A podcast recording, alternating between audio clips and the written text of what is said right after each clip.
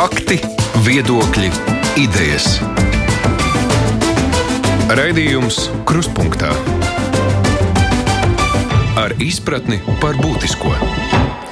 Studijā Mārija Ansone. Palielinoties saslimšanai ar covid-19 un stājoties spēkā jauniem ierobežojumiem, ir atkal jādomā par ātru atbalstu uzņēmējiem, iespējams arī dīkstāvus pabalstiem, līdzīgi kāds bija pavasarī. Kāda ir valdības plāni šai jomā? Par to mēs šodien varam iztaujāt ekonomikas ministru Jānu Vitenbergu, kurš ir mūsu studijā šodien. Labdien! Labdien! Kopā ar mums ir arī žurnāliste Aiga Pelāne, Latvijas radio producente. Sveika, Aiga! Sveiki! Un Andrēs Mēters, ziņu aģentūras Leta redaktors. Sveiks, Andrej! Sveiki! Jā, es jau pieminēju dīkstāvus pabalstus. Šobrīd tāda nav, tāpēc, ka um, nu, dažādas jomas var teorētiski strādāt, tomēr ir jomas, kur nu, nav cilvēku, kur izmantot šos pakalpojumus, piemēram, turists. Kas būtu tas brīdis, kad valdība atkal varētu sākt domāt par kaut kādiem dīkstāvus pabalstiem, vai tas būtu saistīts ar kaut kādiem papildus ierobežojumiem, aizliegumiem, vai arī, nu, ja jūs vērojat, ka kaut kas ir apsīts tik tālu, ka ir nepieciešams atbalstīt šo jomu? Jā, mēs rūpīgi sekojam līdzi kā ekonomikas ministrija un tālāk arī diskutējam valdībā par to situāciju, kas šobrīd notiek. Jo ir skaidrs, ka man gribās teikt, ka ir Covid vīrus ir sasniedzis, otrais vilnis ir sasniedzis Latviju. Un, nu, ir vienota izpratne valdībā. Par to ir prieks, jo tajā pirmā, pirm, pirmajā vilnī, kad Covid tikko sākās, ar to bieži vien bija problēmas, jo bija sajūta, ka veselības eh, dimensija ir pirmajā vietā, tad šobrīd eh, nu, gan, gan ekonomika, gan veselība tās lietas tiek sabalansētas. Un, uh, nu, es gribētu teikt arī paldies kolēģiem, kur ir pauduši to atbalstu. Tādā ziņā, ja būs nepieciešams ievērot kaut kādas papildus prasības, tad nozars un cilvēku grupas, kas eh, cietīs dēļ šīm prasībām, vienkārši nu, nevarēs iet uz darbu vai nu, pildīt savus eh, tiešos pienākumus, tad tiks meklēt atbalsta rīku. Un, eh, mēs kā ministrija jau esam nemitīgā kontaktā ar turismu nozari. Un, gribētu teikt, ka tā saruna šobrīd ir trīs blokos. Viena ir saruna ar, ar bankām par to, lai palīdzētu šiem uzņēmumiem, lai nesāktos maksāt nespējas eh, bumbu bankrota eh, vilnis. Ja šai nozarē nozara pat ir teikusi, ka nu, ļaujiet mums aizrāpot līdz pavasarim. Es gribētu nu, to uzsvērt, ka nav tādu eh, nu, lielu varbūt ambīciju. Vienkārši ļaujiet mums pārziemot, un to mēs cenšamies izdarīt. Tad otrs, otrs bloks, es, nu, ļaujiet, uh -huh. otrs bloks ir svarīgs, ka nāk, nāk ziema, nāk augstā sezona un paaugstināsies komunālie maksājumi. Un, tad ar domu, Rīgas domu, ar Mārtiņu Staķkungu mums bija tikšanās par to. Un, arī arī ar domu, doma ir gatava nākt palīdzīgā par eh, atbalsta rīkiem, kas varētu būt atlaists nekustamā īpašuma nodoklī. Nu, ir bijusi saruna ar eh, Rīgas siltumu, tāpat arī ar eh, Latviju Energo, kad ir, ir svarīgi, lai šie maksājumi tiem uzņēmumiem, kas ir nonākuši krīzē, būtu iespējams atlikt. Un tad trešais bloks ir eh, šie finansu, finansu līdzekļi, kas ir, kas ir bijuši līdz šim. Un, tur mēs kā ministrija aicināsim jau, jau nākamnedēļ pārskatīt esošās programmas un atvēlēt līdzekļus viesnīcām, jo nu, lauka reģionos ar, ar turismu tā sajūta, ka viss ir kārtībā. Es pats braucu aktīvi šajās vizītēs. Un, ir, ir uzņēmumi, kas saka, ka tik laba sezona nav bijusi eh, vēl nekad kā šogad, un nevar beigt vienkārši to sezonu un aiziet tajā ziemas guļā, kas ir raksturīgs eh, lauka turismam. Un, eh, tad lielākā problēma ir Rīgā, un ir jāpalīdz viesnīcām Rīgā, un tad nu, mēs pārdalīsim tos līdzekļus viņiem. Un otrs tāds svarīgs, svarīgs, svar, svarīga lieta, ka iezīmējās uzņēmumi, kas ir spiest pārtraukt savu darbību, jo viņu darbinieki ir saslimuši, kas nebija pirmajā vilnī. Mēs varam nosaukt Līcis vai Kuldīgs tekstils un Forevers tādi uzņēmumi, kas, kas šobrīd ir trīs, kas ir spiest pārtraukt savu darbību, un eh, nu, viņi vienkārši nevar atsākt. Nu, ko gan lai dara šie uzņēmumi? Viņi taču nevar atlaist savus darbiniekus un pieņemt eh, vietā citus veselus. Tad, ja tā situācija pasliktināsies, tad eh, nu, mēs gribam izveidot tādu kā fondu, kā spilvenu šiem uzņēmumiem, kas nonāk Covid grūtībās, lai viņiem būtu iespēja šo laiku arī pārvarēt, jo nu, tie uzņēmumi ir veiksmīgi, viņi ir ražojuši, bieži vien arī eksportējoši. Un, nu, tādēļ gribu arī uzņēmējus aicināt ievērot šīs prasības, jo nu, ir bijusi kritika manā virzienā, ka uzņēmēji neievēro dažādas drošības prasības, bet cik pats esmu bijis un cik esmu redzējis, ka nu, uzņēmēji tiešām liela malači ir gan dezinfekcijas līdzekļi, gan maiņa, viena norobežot no otras. Pagājušo... Un tomēr, un tomēr šie gadījumi ir bijuši. Man kolēģi grib jau, jau uzdot acīm redzot papildu jautājumu saiga. Jūs visu laiku ļoti aktīvi runājat tieši par turismu nozares uzņēmumiem, bet kā ar citiem? Ir taču mums metāla apstrāde, ir daudz citu uzņēmumu, kas ir eksportējošie un kur šobrīd šie Eiropas tirgi nebūtu nav. Nu, tur tas pieprasījums arī samazinās. Ko jūs domājat darīt ar šiem pārējiem citu nozaru uzņēmumiem? Vai tur tiek izstrādāts kaut kādas programmas, kas varētu viņiem pār, arī palīdzēt pārvarēt šo laiku? Paldies par jautājumu. Turisma nozare es minēju, jo tā ir nozare, kas ir eh, cietusi vissmagāk tieši ierobežojumu dēļ, jo nu, cilvēki vairs eh, nepārvietojas un eh, tā kā iepriekš ir mainījušies paradumi. Jūsu nosauktajām nozarēm ir spēkā jau esošie atbalsta mehānismi. Tie nav pārtraukti, kur uzņēmēji par veiksmīgām atzīst šīs eksporta garantijas, ko īstenojam ar Altumu, jo tirgi gan, gan Eiropas, gan pasaules ir sasvērstījušies un ir nepieciešama šī drošība. Ir virknē šiem uzņēmumiem vienkārši, ja nav no šeit uz vietas eh, tādi nopietni ierobežojumi, tad viņi paši atzīst, ka ir mainījušies tie tirgus, kuriem viņi eksportē. Tur vienkārši ir eh, sadarbības partneris spiest apturēt savu darbību. Tādēļ eh, ar LIBE palīdzību mēs palīdzam atrast jaunus eksporta tirgus, ir jauni palīgi instrumenti, lai to varētu īstenot. Un, nu, kā redzam, mūsu, mūsu eksports ir tuvu jau tam iepriekšējā gada līmenim līmenim, ka, ka ir sasniedzis atpakaļ to pirms, pirms Covid eh, līkni. Un, eh, Nu, kā jau teicu, ir svarīgi šiem uzņēmumiem eh, parūpēties par to spilvenu, par kuru jau teicu, pārdalot šies, šīs jau esošās programmas. Tādā brīdī, kā bija ar Forever un Līdz un, un, un, un Kuldīgas tekstilu, lai atkārtojoties šai situācijai, mēs spētu saglabāt šos uzņēmumus, kas strādājuši sekmīgi, taču nu, Covid bet, bet, ko nozīmē šis fonds, šis spilvens? Viņi vienkārši saņem finansiālu palīdzību, lai var eh, samaksāt algas cilvēkiem? Lai tie neiet projām? Kā tas izpaužās tīri praktiski? Nu, mums ir eh, svarīgi šobrīd, lai mēs eh, pārdalītu un šāda nauda būtu pieejama vienkārši tajā brīdī, ka es gribētu teikt, ka mēs esam rēģējuši daudz labāk nekā Covid sākumā, jo ir izstrādāti jau šie dažādi finanšu instrumenti un Bet cits atbalsts sistēmas. Atbalstu. Tie, tie, kas ir saņēmuši, tas, tas strādā, un arī, ja jūs minējāt to pašu dīkstāvus pabalstu, un tiks pieņemts lēmums, ka tā situācija ir pasliktinājusies tik tālu, ka tas ir nepieciešams un ir pieaudzis ļoti palielinājies to cilvēku uh, grupu skaits, kas uh, nevar strādāt, ja, tad mēs to spēsim ieviest uzreiz, jo tās kļūdas, kas bija, kas līda kā ilēna no maisa ārā iepriekšējā periodā,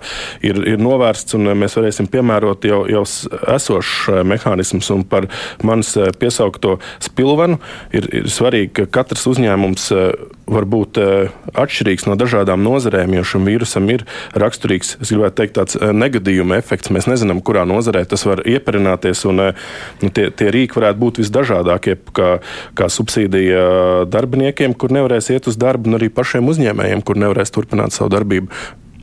Jā, Aigai bija laikam papildu jautājums.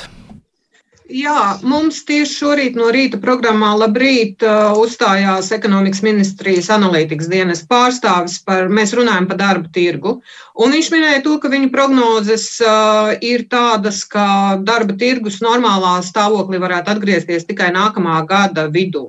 Sakiet, lūdzu, vai tiek domāts arī par to, vai jūs kopā ar Labklājības ministriju domājat arī par to, ka varētu atkal tomēr pamainīt bezdarbnieka pabalstu izmaksu kārtību, es nezinu, palielināt šo laiku, atkal atgriezt atpakaļ to, ka ir nu, lielāka to summa, ko, tā, ko tie cilvēki var saņemt?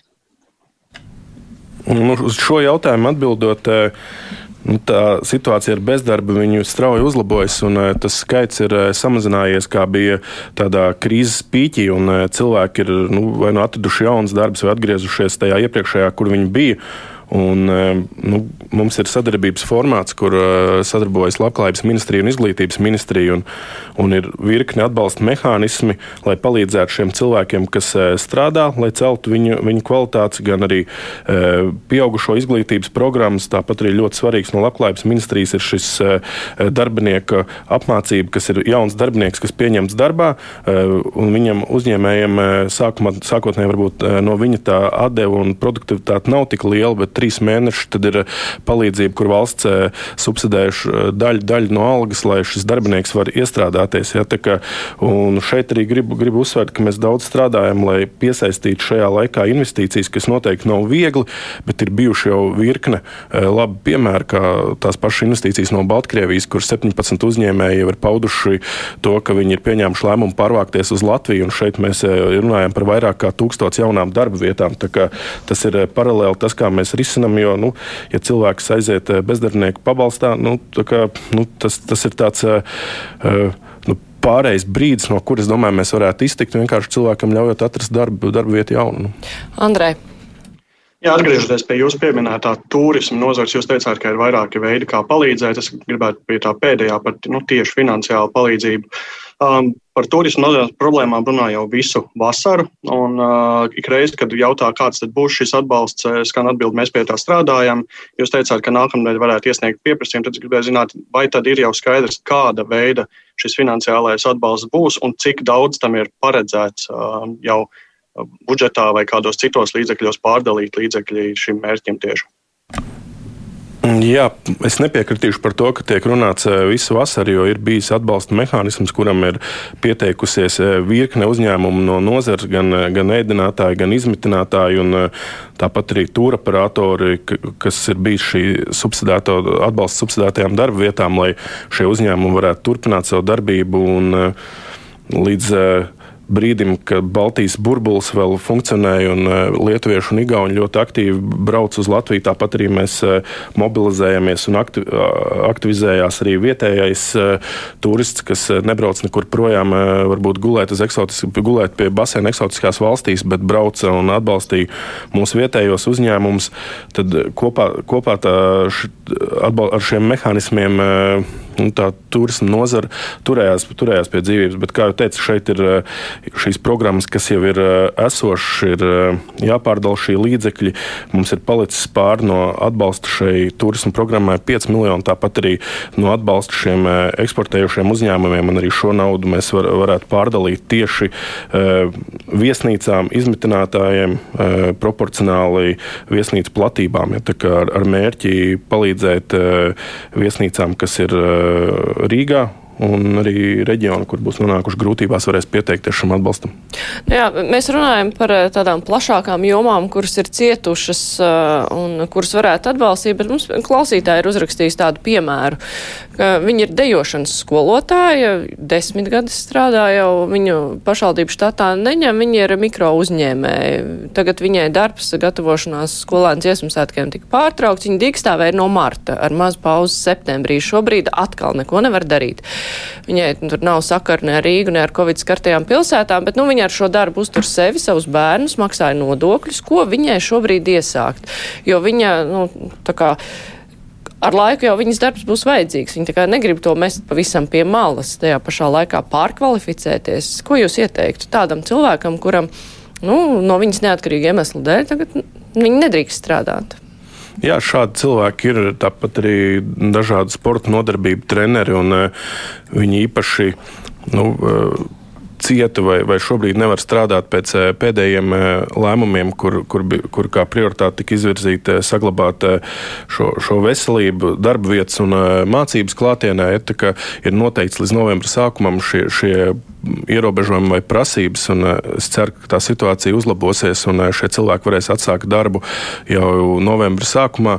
Pretējā gadījumā tas nebūs un eh, situācija neuzlabosies. Eh, tas ir tas, par ko mēs jau esam runājuši jau visu šo raidījumu, no, ka tiem būs jābūt dīkstāvs pabalstiem, lai šiem cilvēkiem palīdzētu. Jo, nu, ja cilvēks nevar aiziet uz darbu, nodrošināt sevi, savu ģimeni, tad nu, nekas cits eh, šeit neatliek, kā par to ir eh, jābūt eh, atbalstam. Tas, tas nozīmē, ka ja tagad novembris, novembris sākums ir tas ierobežojošais laiks, līdz kuram ir ierobežojumi, un ja nekas neuzlabojas, tad valdība domās par to, kā atbalstīt šādu konkrētu. Teiktu, šeit jau vairs nav ko domāt, ka šeit ir jāpiemēro atbalsta mehānisms, kas varētu būt šī dīkstāvs pabalsta, ko mēs varētu rosināt no ministrijas. Tas nozīmē, ka novembra sākumā, ja situācija neuzlabojas, jūs rosināt dīkstāvs pabalstus. Jā, tā mēs esam ministrijā lēmuši, un tālāk tad jāpārliecina koalīcijas partneri. Kolēģi, Aiga. Par šo. Piedod, Andrejs. Andrejs. Jā. Es par šo pašu vienkārši gribēju precizēt, ja ir, ir runa par dīkstāvus pabalstiem, tad atkal vai ir zināms, kāds finansējums tam ir atvēlēts vai atlicis, jūs varat iesniegt valdībā, bet um, valdībā jums arī prasīs, cik tas tam ir nepieciešams. Nu šeit nu, mēs runājam par cilvēkiem un Mēs arī nevaram pro prognozēt, kas notiks varbūt pēc nedēļas vai divām, kāds būs tās cilvēku grupas, kas nevarēs strādāt. Un, eh, tas jau būs kopīgs eh, valdības lēmums, un tie līdzekļi mums būs jāatrod visiem kopā. Ka, nu, es negribētu teikt, ka tā būs ekonomikas ministrija, kurai būs eh, jāatrod nauda vai jānes. Es domāju, ka tā ir valstis, valstisks jautājums, valstiska problēma, un mēs varam būt tie, kas inicēs to, un mēs no tā arī nebaidamies un neizvaramies. Jā, par situācijas uzlabošanos jūs valdībā. Es tā vienkārši lasu, nu pat pirms septiņām minūtēm ir šīs dienas aktuālie dati - 188 jauni inficēšanās gadījumi. Nu, tas neliecina, ka situācija uzlabotos. Tas nozīmē, ka nu, reāli droši vien, ka būs jādomā varbūt pat ātrāk nekā novembra sākumā. Vai tā pagaidām ir pārāk grūti? Nu, es, es domāju, ka nu, tie, tie dati, ko jūs tikko pavēstījāt, eh, visu dienu vēl nebija pieejami, bet viņi Jā, noteikti, viņi nu neiepriecina, viņi noteikti neiepriecina. Un, eh, tā situācija nu, nav patīkama. Un, eh, Es domāju, ka nevajadzētu arī šeit vilcināties, un mēs to nedarīsim līdz konkrētam datumam, ka jau būs jāmeklē tie rīki daudz iepriekš. Jo, nu, paldies eh, sadarbības partneriem arī par to, ka ekonomika tiek vērtēta šobrīd eh, augstu un ir visi tie ierobežojumi vai, vai rīki ir tādi, lai tiešā veidā neierobežot to, bet eh, ja paaugstināsies un būs papildus cilvēku grupas, kas nevarēs strādāt un sev nodrošināt, tad nu, mums tie rīki būs jāmeklē daudz ātrāk. Aiga.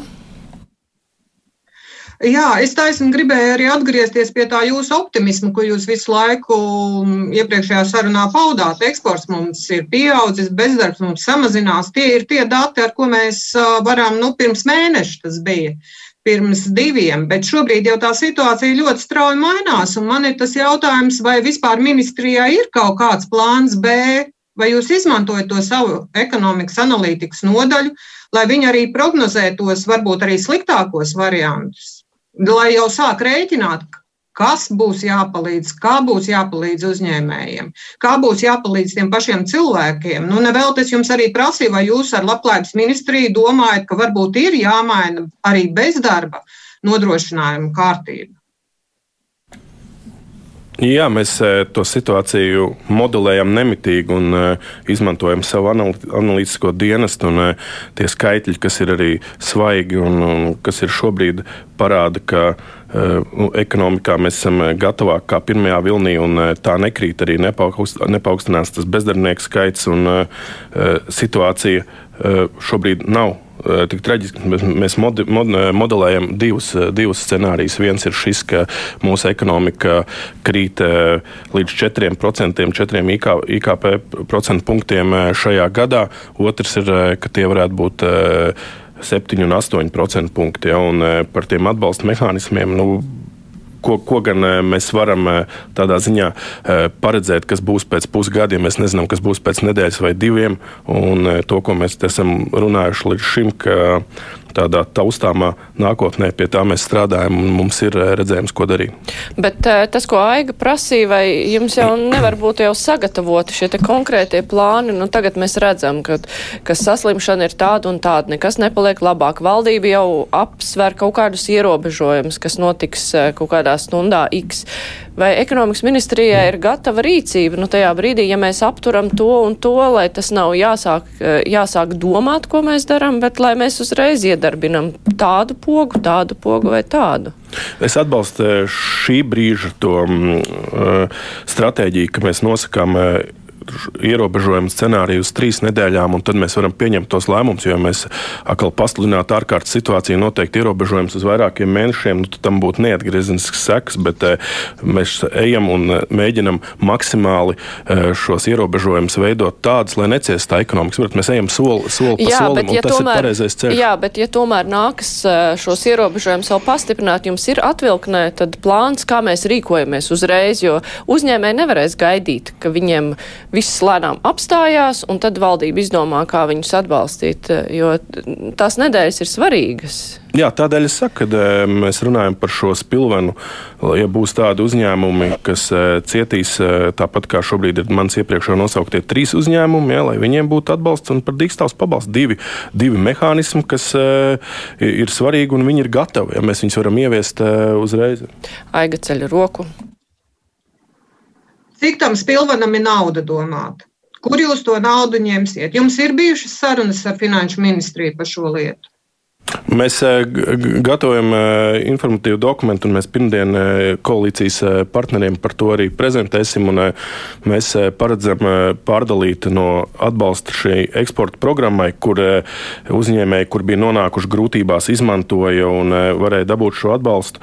Mēs izmantosim šos 15 miljonus tīri, lai būtu pieejami līdzekļi uzņēmumiem, kas nonāks grūtībās. Tas būs tas drošības pilns. Andrej.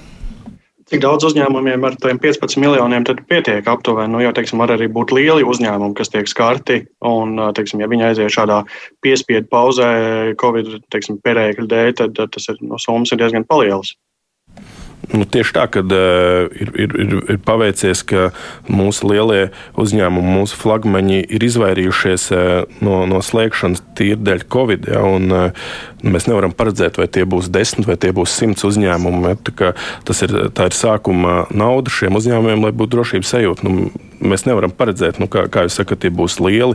Varbūt viņi būs slēgti daļēji, nestrādās viena maiņa, dažādi, dažādi iespējamie scenāriji, kur jāvērtē un jāsako līdzi. Aiga. Uh, viena lieta ir Covid un šī te, principā šobrīd krīzes situācija, kas samilst un, un uz ko ir jārēģē. Bet otra daudz prognozējama lieta ir Brexits. Vai jūs esat izrēķinājuši, kāds Brexits, kādas sekas atstās uz, um, uz Latvijas ekonomiku? Nu, uz to, ka, piemēram, nebūs šī vienošanās ar Eiropas Savienību. Kas būs tās nozares, kas cietīs visvairāk? Jā, Tas jau ir no 1. janvāra. Jau pirms Covid bija vērojama, ka nu, pat Lielbritānija ir ļoti svarīgs tirzniecības partners mūsu kokrūpniecībai. Bija vērojama sākumā tāda liela aktivitāte un tika piepildīts noliktavas, preces tika iepirkt vairāk un arī ar Covid saistībā, bet arī dēļ tā, ka noliktavas bija pilns, bija tāds zināms atslābums, bet kokrūpniecības joma ir viena no tām, kas izskatās vislabāk arī Covid laikā, kur tas pieaugums ir uh, lielāks un izskatāmies labāk par iepriekšējo gadu.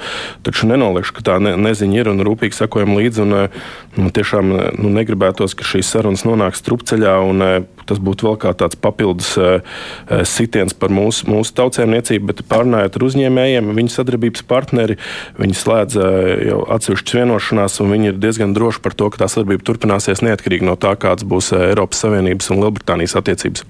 Aiga gribēja precizēt.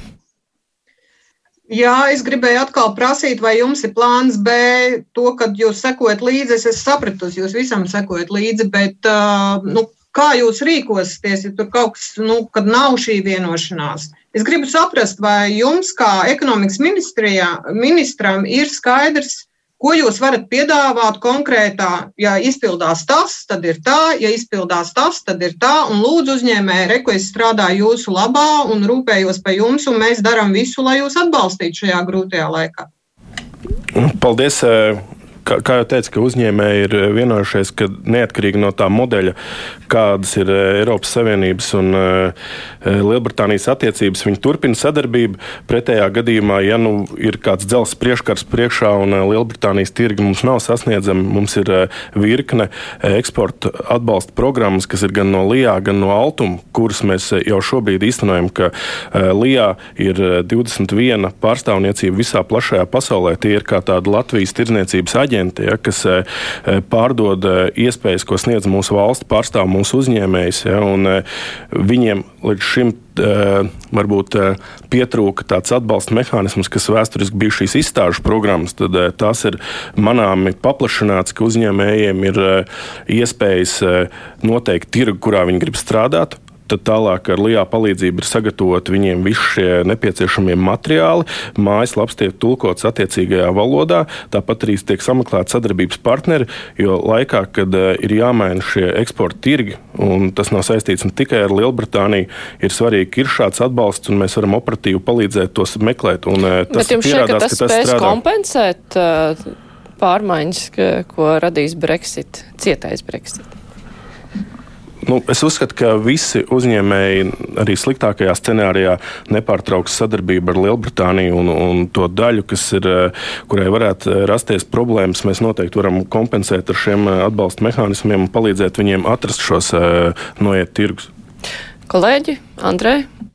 Aprīlī daudz tika runāts, ka nu, šis ir tāds um, iespēju laiks, iespēja Latvijai izrauties arī, arī ekonomikā, un tik jūs pat izveidojāt uh, tādu pēckrīzes ekonomiskās izaugsmas plāna izstrādes darba grupu. Pusgads ir pagājis, vai šī grupa vēl darbojās, un vai ir kāda arī rezultāta? Skaidrs, ka krīze vēl ne tuvu nav beigām, bet no, nu, vai ir kaut kāda rezultāta šim plānam? Jā, mums notiek dažādas, dažādas teiktu, darba grupas, un šodien bija viena no, no tām, jo nu, vēl ministrijas strādā pie šiem atbalsta mehānismiem, par kuriem tika panākt vienošanās.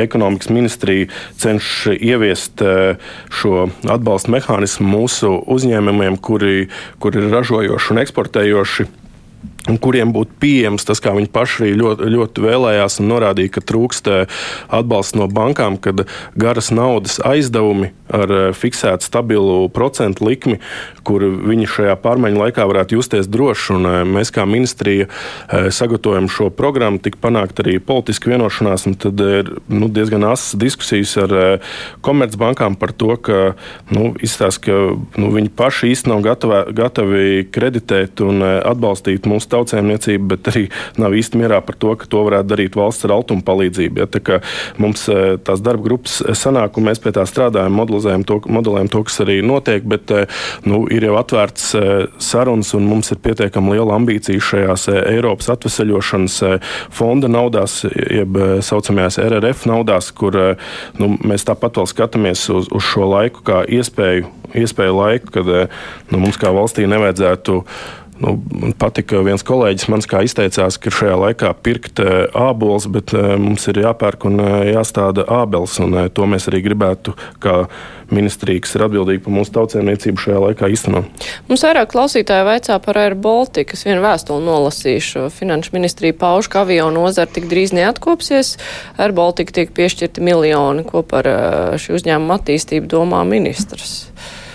Bija vērts iegūt? Ar, ar, ar Baltiku vadību tikāmies eh, pagājušā nedēļā, jo man tieši ir interesēja, kas notiek ar šo atbalstu, cik ilgam laikam eh, tas varētu pietikt un kā, kāda ir tā nākotne. Jo nu, eh, lidojumu skaits vēl aizvien ir, ir kritis un ir ap 30% no, no iepriekšējā gada, no, no miera laika lidojumiem. Un, bet, Air Baltics ir diezgan labi tai situācijai pielāgojies. Un, ir tādā kā saudzīgā režīmā, un uh, līdzekļi. Un arī labu atbalstu saņēma. Nu, tas tiesa, un uh, jāatzīst, ka gandrīz visas valstis, kurām ir savas avio kompānijas, tās subsidēja. Tāpat arī Igaunija atbalstīja Tallinku ja, krīzes laikā, un uh, nu, tā bija strateģiska izvēle, es domāju, kur bija pareizi, jo nu, ar Baltiku loma arī nākotnē būs liela tai pašai turisma nozarei, lai atvestu cilvēkus šeit uz Latviju. Jā, es atgādināšu klausītājiem un Latvijas televīzijas skatītājiem, ka šodien kopā ar mums ir ekonomikas ministrs Jānis Itenbergs un arī žurnālisti Aiga Pelāne, Latvijas radioproducenta un Andrēs Mēters, ziņoģentūras leta redaktors. Turpināsim tūlīt. Raidījums Krustpunktā. Klausītāji mums čakli raksta, bet jūs varat arī zvanīt. Mūsu tālruņa numuri ir joprojām 6722, 888 un 672, 559. Mums ir vairākas vēstules saistībā ar nodokļu reformu. Cilvēki uh, pauž satraukumu par savu nākotni. Es izlasīšu pāris piemērus. Viens klausītājs raksta, ka viņš ir pašnodarbinātais, nodarbojas ar iepmaiņu auto. Uh, viņš, viņam peļņa ir oktobrī, novembrī, aprīlī, maijā, kad viņš var samaksāt pilnu nodokli. Viņš iztiek, sieva strādā, bērniem palīdzam. Viņam ir 54 gadi, citur darbu viņš nevarēs atrast vairs savā vecumā.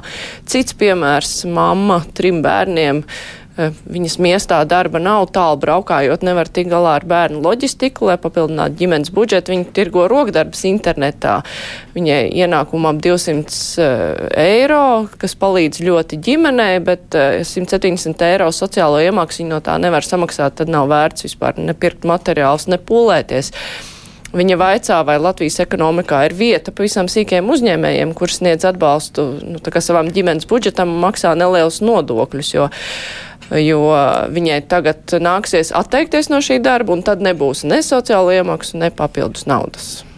Komentārs, kā šiem cilvēkiem būt tālāk?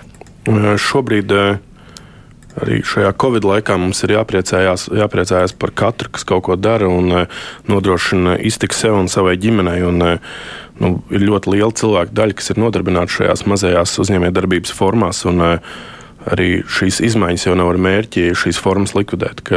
Mērķis ir eh, rosināt, lai mūsu valsts iedzīvotāji būtu sociāli e, nodrošināti. Bet šie jo... cilvēki stāsta, piemēram, viņi nevarēs to samaksāt, un viņi nepiepelnīsies, ne arī būs sociāli nodrošināti. Es, es saprotu, bet es gribu pateikt savu domu līdz galam, ka mm -hmm. 270 tūkstoši valstī e, nu, nav. E, iemaksājuši šīs eh, soci sociālos eh, nodokļus, lai viņiem būtu atbilstoša pensija vecumdienās, ja, tad eh, mēs tuvojamies kaut kādai diezgan liela, lielai problēmai, kas varētu būt nākotnē. Un īpaši grūti mums bija arī Covid laikā šiem, šiem cilvēkiem palīdzēt, jo atbalsta instruments, ko piemērojam, nu, viņi bija jā, jāveido stipri specifiski un nemitīgi jāmaina. Bet viņiem nevarēs palīdzēt arī pēc tam, jo viņi vienkārši pārtrauks mm. savu saimniecisko darbību. Viņi nestrādās nekur tagad. Es, es negribu, negribu tam ticēt, jo uh, ta, tas, trim bērniem. Tas, ka šīs, šīs izmaiņas, uh, es gribētu teikt, ka uh, nav tik radikāls, bet ir, ir svarīgs tas laiks, kurā tas notiek. Ja, jo nu, tās izmaiņas tika plānotas tādos miera apstākļos, gribētu teikt, bet šobrīd, kad ir Covid un ir ļoti, ļoti liela neziņa par to, kas vispār notiks ar šiem uzņēmumiem tālāk, es domāju, šādai izmaiņai nu, prieks par to, ka, ka premjerministrs un uh, prezidents par to ir šodien runājuši, ka nu, ir jautājums, vai tas ir īstais brīdis, un tādas vienprātības nav ne, ne koalīcijā šobrīd, ne, un tālāk tā diskusija būs saimā. Un, uh, es domāju, ka šeit vēl notiek tas pilnveids process, un arī mēs esam tādā dialogu priekšā. Aiga grib vaicāt. Nu, no sākuma neliels komentārs. Diez vai 170 uh, eiro iemaksas uh, mēnesī kaut kā būtiski uzlabo šo cilvēku pensiju kapitālu un ļaus viņiem nākotnē dzīvot uh, pārtikušiem vecumā. Tas ir viens, bet otrs jautājums ir tieši par šo dzīves stilu uzņēmumu atbalstu. Vai ekonomikas ministrijā to plāns, kā nākotnē atbalstīt šādus uzņēmumus, kā vairot to, lai cilvēki aktīvi darbotos, lai piepelnītos arī pie savu pamatdarba, lai viņiem būtu papildus ienākumi, lai viņi rūpētos šādā veidā par savu nākotni. Un arī tagad. Visu laiku tiek uzsvērts uz to, ka šādas uzņēmējdarbības formas vairs nebūs. Taču es atgādinu, ka tās tāpat paliek eh, izdevīgākas kā vispārējais nodokļu režīms. Tad mums ir jāatgriežas pie jautājuma. Nu, tad uh, ir cilvēka daļa, kas uh, strādā vispārējā nodokļu režīmā un maksā šos nodokļus, un ir, ir cilvēka daļa, kas to nedara. Nu, man ir bijusi tikšanās ar uzņēmējiem, kur paši ir atzīst, ka ir brīži, ka viņi ir bijuši nodarbinājuši 40 mikro uzņēmumus savā, savā uzņēmumā. Nu, tad, tas arī nav nav, nav īsti, īsti korekti. Un, eh, kas attiecas par šo sociālo iemaksu, nu nav mērķis nevienam to, ko jūs minējāt, to piemēru. Ja cilvēks to dara tikai eh, pāris mēnešus gadā, tad katru mēnesi viņam uzlikt eh, šādu pienākumu, tam ir jābūt proporcionāli no, no tās summas, kas tad ir, kas tad ir iekasēta un kas ir saņemta. Par to arī tā diskusija notiek. Tā ir, ir, ir, ir labi, ka cilvēki rūp, rūp cilvēkiem tas, kas ir viņiem notiek, ka viņi par to runā. Ir kultūras nozara šobrīd ļoti aktīvi iesaistījusies pats ar viņiem tiekos rīt, un eh, tā diskusija nav beigusies. Viņi, viņi šobrīd ir procesā, un eh, es nedomāju, ka būs kaut kādi radikāli lēmumi cilvēki tik atstāti bez eh, iztiks līdzekļiem. Aiga. Es gribēju gan tomēr dzirdēt konkrētu atbildi, vai ministrijā tiek domāts par šo dzīves stilu uzņēmumu atbalstu. Tieši par tiem mazajiem, kuri nekad neizaugs lieli, kuri nekad eh, nenodarbinās varbūt tās pat divus, trīs cilvēkus, bet vienkārši ģimenes, kas eh, pašas eh, izveidojuši sev ienākumu avotu, kā, viņi, nu, kā viņus atbalstīt, kā veicināt to, lai Latvijā cilvēki paliek aktīvi.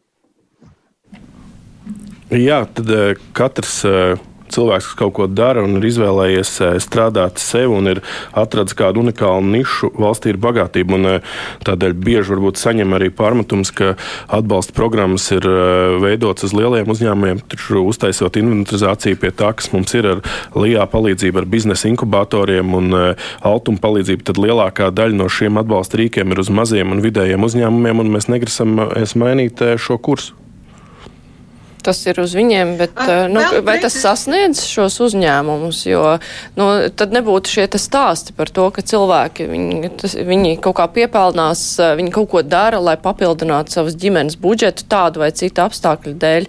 Nu, acīm redzot, viņi nav varējuši tik līdz šim biznesa inkubatoram vai altumam. Viņi ir vienkārši ir nodarbojās ar to, ko viņi prot un mazliet strādā. Viņi vienkārši grib kaut ko darīt. Viņi saprot, ka viņi nevar, ne, nevarēs uztaisīt uh, sijā vai kaut ko, nu, viņiem ir nepieciešams kaut kāds savs režīms, kur viņi vienkārši piepelnās. Vai viņiem par viņu kaut kādu atbalstīšanu tiek domāts? Nu, viņi varēs turpināt arī to darīt esošajos režīmos, jo mm, esošie režīmi tāpat paliks uh, vieglāki un uh, pieejamāki kā uh, vispārējais nodokļu režīms. Nu, labi, kolēģi. Andrejs, varbūt tas ir gribēju atgriezties par to, kas tika runāts pavasarī un teiksim, kāda ir, kas ir darīts līdz, līdz šim pusgadu laikā. Proti, pavasarī tika daudz arī runāts par to, ka daudz Eiropas uzņēmumu mēģina saīsināt šīs piegāžu ķēdes, un arī šī ir Latvijas iespēja piesaistīt investīcijas un veidot jaunas darba vietas. Un tad es gribēju zināt, ko ekonomikas ministrija pusgadu laikā konkrēti, konkrēti ir darījusi, lai piesaistītu investīcijas. Skaidrs, ka pusgadu laikā rūpnīcu nevar atvērt, bet kas ir darīts, lai teiksim, pēc gada vai nākamgada vai pēc diviem gadiem tiktu šīs rūpnīcas atvērtas? Uh, nu, iepriekš šajos, līdz ši, šim gadam, deviņos mēnešos ir Eh, piesaistīti vairāk uzņēmumu krīzes laikā nekā iepriekšējā gadā kopumā. Ja, un, eh, te mēs runājam par vairāk kā 30 uzņēmumiem, kas ir eh, piesaistīti jau līdz šim ar vairāk kā tūkstotis darba vietām. Un eh, stāsts jau, ko teicu pirms brīža, ka ļoti sekmīgi notiek sadarbība ar šiem Baltkrievijas uzņēmumiem no dažādām nozarēm. Pārsvarā tas ir IT sektors, kur 17 eh, uzņēmumi ir pateikuši jau jā, to, ka viņi pārnāks uz Latviju. 50 eh, darbinieki jau šeit strādā, būs beigās vairāk kā tūkstots, ja, kas ir diezgan liels skaitlis. Tas parāda, ka te, tie mērķi un tas darbs, ko mēs esam darījuši, ir, ir bijis veiksmīgs un tiek atvērti jau bankas konti. Šeit arī jāsaka, varbūt paldies eh, eh, kolēģiem no saimnes, kas identificē to problēmu un eh, palīdz strādāt ar bankām. Ir jau pirmie sekmīgie piemēri, kur tos konts ir izdevies atvērt. Mēs paredzam, ka tā sadarbība būs vēl lielāka. Un laikā, kad mēs bijām viena no līderiem gan šajā ekonomiskajā ziņā, gan veselības ziņā Eiropā, bija ļoti liela interese no, no investoriem. Tāpat arī šis Norvēģijas Airways, kas ir pateicis, ka pārcels savu biroju uz, uz Latviju, ir liels, liels iegūms, kur tas Eh, nodarbināto skaits varētu būt vairākos simtu. Ja, un vēl ir virkni lielu uzņēmumu, ar kuriem eh, tiekamies, bet par kuriem es vienkārši šobrīd negribētu eh, skaļi teikt. Bet, nu, ir, ir bija jau krīzes sākumā, kad diezgan lieli cilvēki, liels cilvēku skaits tika mm, zaudēja darbu dzelzceļā, gan, gan arī ar Baltikā. Tāpat ir atlaisti cilvēki, kuru aizvien nav pieņemti atpakaļ darbā. Jo, kā jau teicu, šī avio kompānija strādā tādā saudzīgā režīmā. Ja, tā kā, šos darbinieku skaitu kaut kur ir jākompensē. Mēs tikai dzirdējām, ka tiek atlaisti, tiek atlaisti, bet nu, mēs esam diezgan daudz paveikuši, lai šiem darbiniekiem būtu iespēja atrast darbu. Mums ir klausītājs piezvanījis. Halo! Halo! Jā. Labdien, lūdzu, jūsu jautājums ekonomikas ministram. Jautājums sekojošs. Strādājot algotu darbu, ir neliela saimniecība, pašnodarbinātā persona pēc eh, lasot likumus iznāk, eh, man, eh, un, un, protams, maksāja pietiekoši liels nodokļus, gan sociālos, gan pārējos visus. Vai man arī būs joprojām jāmaksā tie 170 no nelieliem ienākumiem lauku saimniecībā? Nē, tiek e, risināts šis jautājums, lai tas būtu proporcionāli e, jūsu ieņēmumiem, un e, ir atrasti dažādi, dažādi veidi, pie kuriem strādā, lai, lai tas nebūtu tas gadījums, kuriem, par kuri runājat jūs. Šeit svarīgi ir varbūt identificēt tās grupas, kas izmanto šo režīmu, bet kuriem nav zemi ienākumu, kā, tā, kā diezgan daudz cilvēku, strādā juridiskajā sfērā, ja, kas izmanto šos varbūt režīmus vienkārši, lai, lai apietu dažādas nodokļus. Klausītājs te ir uzrakstījis eh, komentāru, kāpēc jums vienmēr ir tā, ka ķerot vienu krāpnieku cieši desmit godīgie. Respektīvi, notiek vēršanās par tām grupām, kas izmanto sautīgi nodokļu režīmus, kas optimizē nodokļus, bet cietīs tie, kuri, kuriem šie nodokļu režīmi ir radīti. Maziņie tātad. Nu, grūti pateikt, vai vienmēr tā ir. Nu, tas, tas mērķis ir strādāt tā, lai, lai tā nebūtu. Un tas, tas, ko mēs esam runājuši, un pats esmu paudis jau gana daudz par uh, mūsu finanšu sistēmu, ka mēs esam izturējuši to pārbaudījumu un kopā esam strādājuši, lai nebūtu kaut kāds tālējošāks seks. Bet uh, nu, šis ir tas laiks, kad ir jāstrādā visiem kopā, kā vienotai dūrē, gan, gan valstī, gan bankām, un ir jāpalīdz mūsu tautsēmniecībai. Klaus, kolēģi Aiga. Es gribēju saprast tīri jūsu partijas KPVLV nostāju šī nodokļu izmaiņu um, lietā. Protams, Kariņkungs un, un um, Levita kungs šodien ir pateikuši to, ka vajadzētu pilnveidot to autoru atlīdzības uh, visu regulējumu. Uh, kā jūs varētu, un jūsu partija drīzāk, kā jūsu partija varētu balsot saimā? Atbalstīt šo regulējumu izmaiņas vai tomēr nē? Nu, mums ir diezgan liels uh, diskusijas iekšēji par šo, par šo izmaiņu uh, potenciālo grafiku. Un, uh, kā jau teicu, ir, ir sarežģīti, ka tās izmaiņas tiek veiktas. Nu, jebkādas izmaiņas ja tiek veiktas, tas nevienmēr visiem ir apmierinoši, bet izmaiņas tiek veiktas Covid laikā, kad mēs nezinām, kur, kuri no mūsu uzņēmējiem pārziemos un kā tāda situācija būs tālāk. Un, uh, nu, ir, ir, ir vēl diskusijas arī valdībā, jo un, un, un saimā es paredzu, ka tās būs gan spraigas. Un, eh, nu, mums nav, neslēpšu, ka mums nav vienprātības eh, frakcijā un, un, un partijā. Un mēs pie tā strādājam, sekosim līdzi. Arī būs no mūsu puses, pieļauju, ka eh, dažādi ierosinājumi. Jo, uh, Nu, kā jūs paši arī teicāt, lai nav tā, ka ķerot eh, zagli cieši eh, cilvēki, kas arī uzdeva jautājumu iepriekš, kur, kuriem eh, nu, iespējams tas ir vieno, vienīgais tāds iztiks avots, kuru noteikti nevajadzētu atņemt. Kolēģi, Andrei. Jā, um, šodien izskanēja, nu, šajā nedēļā izskanēja kaut kāda neskaidrības par to, ar sejas aizsargu maskām pietiek, nepietiek. Uh, Arī pavasarī uh, tika uzdots ekonomikas ministrijai atbalstīt uh, sejas masku ražošanas sākšanu, tika atvēlēti vairāk simt tūkstoši. Uh, cik tālu šī programma ir, cik uzņēmumu tad ražo un vai ar to pietiek uh, Latvijai vai arī kaut ko var eksportēt?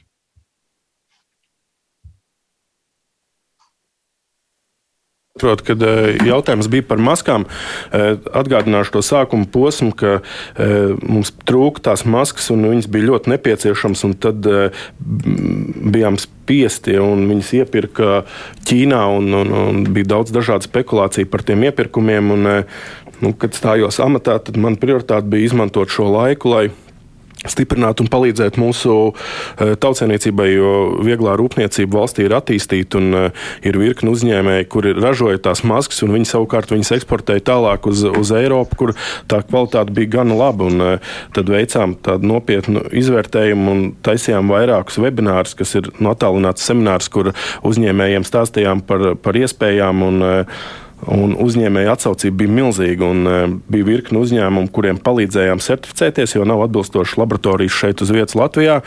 Un, uh, certificēja, uzņē, uzņēmumi certificējās gan Dānijā, gan Somijā. Tur bija diezgan liels rindas, un mēs nemitīgi uh, zvanījām un skubinājām, lai būtu tā iespēja. Un, uzņēmumi bija gatavi. Viņi, viņi certificējās un izpildīja tos eh, pienākumus, ko, ko viņiem uzdeva.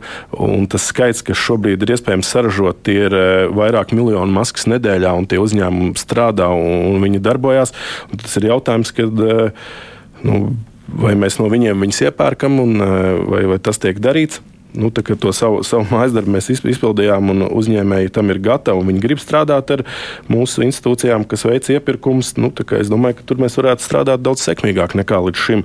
Un kas attiecas uz masku rezervēm, tās, tās ir pietiekams. Un, un bija arī otrdien šī krīzes vadības grupa, ko vadīja premjerministrs.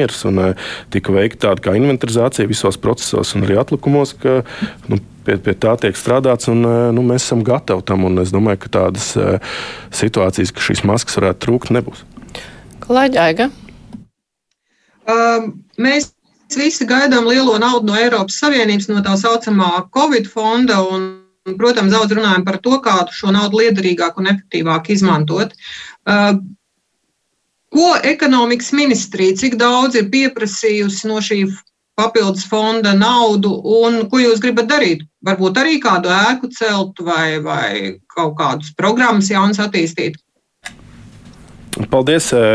Ēku kādu konkrētu neplānojam celt. Un, nu, īsti arī neatbalstu šādu ēku celšanas, jo varbūt tas būtu vienkāršāk katrai partijai uzcelt pa kādam lielam objektam un tad pie tā dižoties un stāstīt visiem, ka redz, ko mēs esam paveikuši, bet eh, mēs gribam skatīties plašāk. Un tie ir tas piemērs ar aboliem un abelēm, ka nu, varētu to naudu iztērēt eh, ātri, apgūt un izmantot, bet, ja tam nebūs kaut kāda atdeva pēc tam, tad nu, tās būs liels problēmas. Tādēļ mums ir redzējums, kā šo naudu izmantot un ieguldīt, lai varētu mūsu valsts attīstīties vienmērīgi, attīstot reģionu centros rūpnieciskās zonas, kur būtu iespēja šiem strādniekiem no visa novada braukt un strādāt konkrētajā novadā, kur viņš dzīvo, nevis uz Rīgu vai vēl trakāk uz ārzemēm. Bet vai Tā... jums ir jau konkrēti projekti, jo par šīm rūpnieciskajām zonām, eh, nu, ja tur tiks ieguldīt nauda, vai ir uzņēmēji, kas ir izrādījuši interesi, ka mums vajag rūpniecisko zonu tur, tur, tur, ka mēs ražosim to, to un to, vai ir kaut kas ļoti konkrēts zināms par to?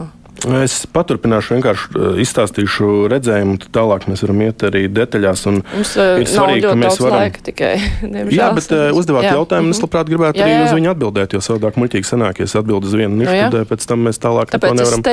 Konkrētību. Es, es būšu, es būšu mm -hmm. ātrs un lakonisks, un nu, ekonomikas ministrija ir atbildīga par mājokļu pieejamību valstī, un braucot šajās vizītēs regulāri, jebkura pašvaldība, kurā esmu bijis maz vai liela, atzīst, ka ir problēmas ar mājokļu mājokļiem, jo valstī ir uzbūvēts 4% jaunu mājokļu, kas ir Rīga, Pierīga reģionos nav uzbūvēts nekas.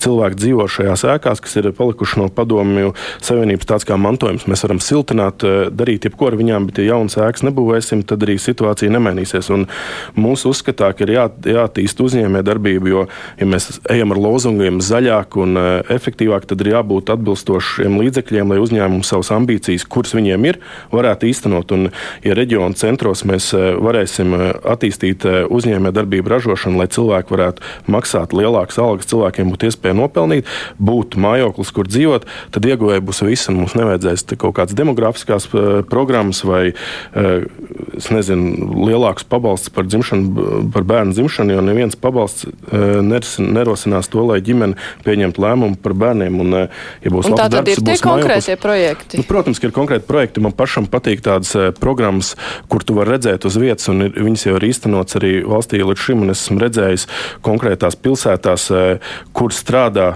eh, tā infrastruktūra, kas ir sagatavota un uzņēmējs ir ienācis, un viņam ir iespējas uzreiz uzsākt šo, šo ražošanu, kur strādā konkrēti darbinieki. Tā lieta, lieta strādā, bet viņa nav bijusi pietiekamā intensitātē, un mums ir jātīst, lai tas būtu daudz, daudz efektīvāk. Bet varbūt jūs varat minēt pāris piemērus, nu, kas tiks ražots tajās industriālajās zonās? Konkrēts piemērs es nesaukšu, tas var radīt kaut kādas spekulācijas arī, bet eh, primāri tie būs mūsu uzņēmēji, kur grib paplašināties, un viņiem būs tāda iespēja.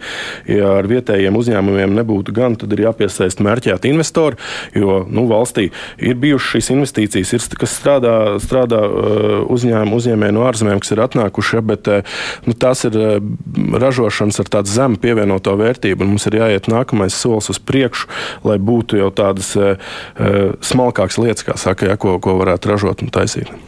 Kolēģi, Aiga. Jā. Andrēs, piedod.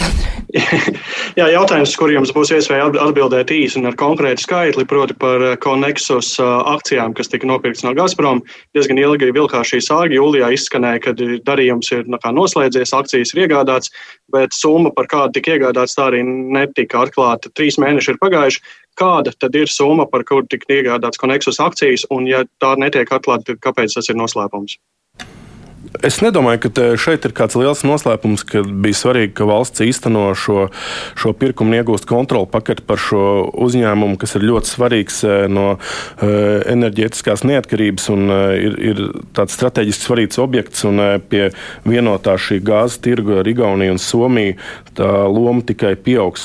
Tā ir bijusi laba investīcija. Es domāju, ka jebkurā brīdī valsts varētu iegūt vairāk pārdodot šīs akcijas nekā ir iztērējuši. Bet par konkrētu summu es tiešām nezinu, vai es, man ir mandāts viņu, viņu nosaukt. Ja, kā, ja es baidos pārkāpt kādas pirkuma ierobežojumus, es nezinu, vai tas pirkums ir noslēgts līdz galam un ir likti paraksti. Ja, ja, ja man pēc tam es pajautāšu kolēģiem, ja es to drīkst teikt, es varu to informāciju jums nosūtīt. Vienkārši negribu izpļāpāties un nokļūt kādās problēmās.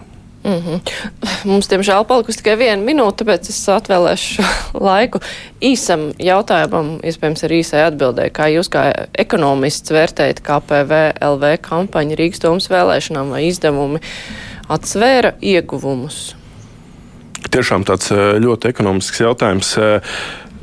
Eh, Nu, ir, Partijisks. Ir, tiešām tas šobrīd ir tāds centrālais uh, jautājums uh, ekonomikā valstī. Ja?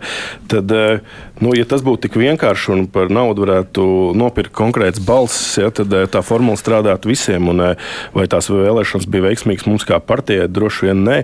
Vai bija vērtīgi tas, ka mēs vēlēšanās piedalījāmies? Es teiktu, jā. Tā kā, nu, mums bija zināmas problēmas partijā iekšēji, un mēs pieņēmām novēlot, es gribētu teikt, šo lēmumu piedalīties šais vēlēšanās. Tādēļ nu, daži no lēmumiem bija sasteigti, taču kopumā e, es uzskatu, ka tas bija pareizs solis.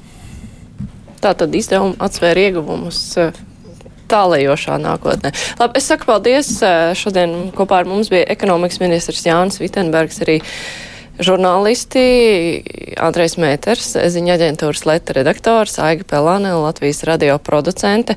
Rīt kruspunktā mums būs uh, diskusija par ļoti svarīgu tematu, kam, mēs, kam Latvijas radio ir pievērsies arī dod pieci kampaņā, un tās ir uh, problēma ar vardarbību ģimenē, Un, diemžēl Latvijā tā ir pietiekoši plaši izplatīta, un mēs diskutēsim par to, nu, ko valsts dara, lai to apturētu, sākumā ierobežot, pēc tam apturētu, un kāds ir atbalsts vardarbības upuriem, vai šis atbalsts ir pietiekošs. Tā kā mans kolēģis Aits Tomsons šajā diskusijā meklēs atbildes uz šiem jautājumiem.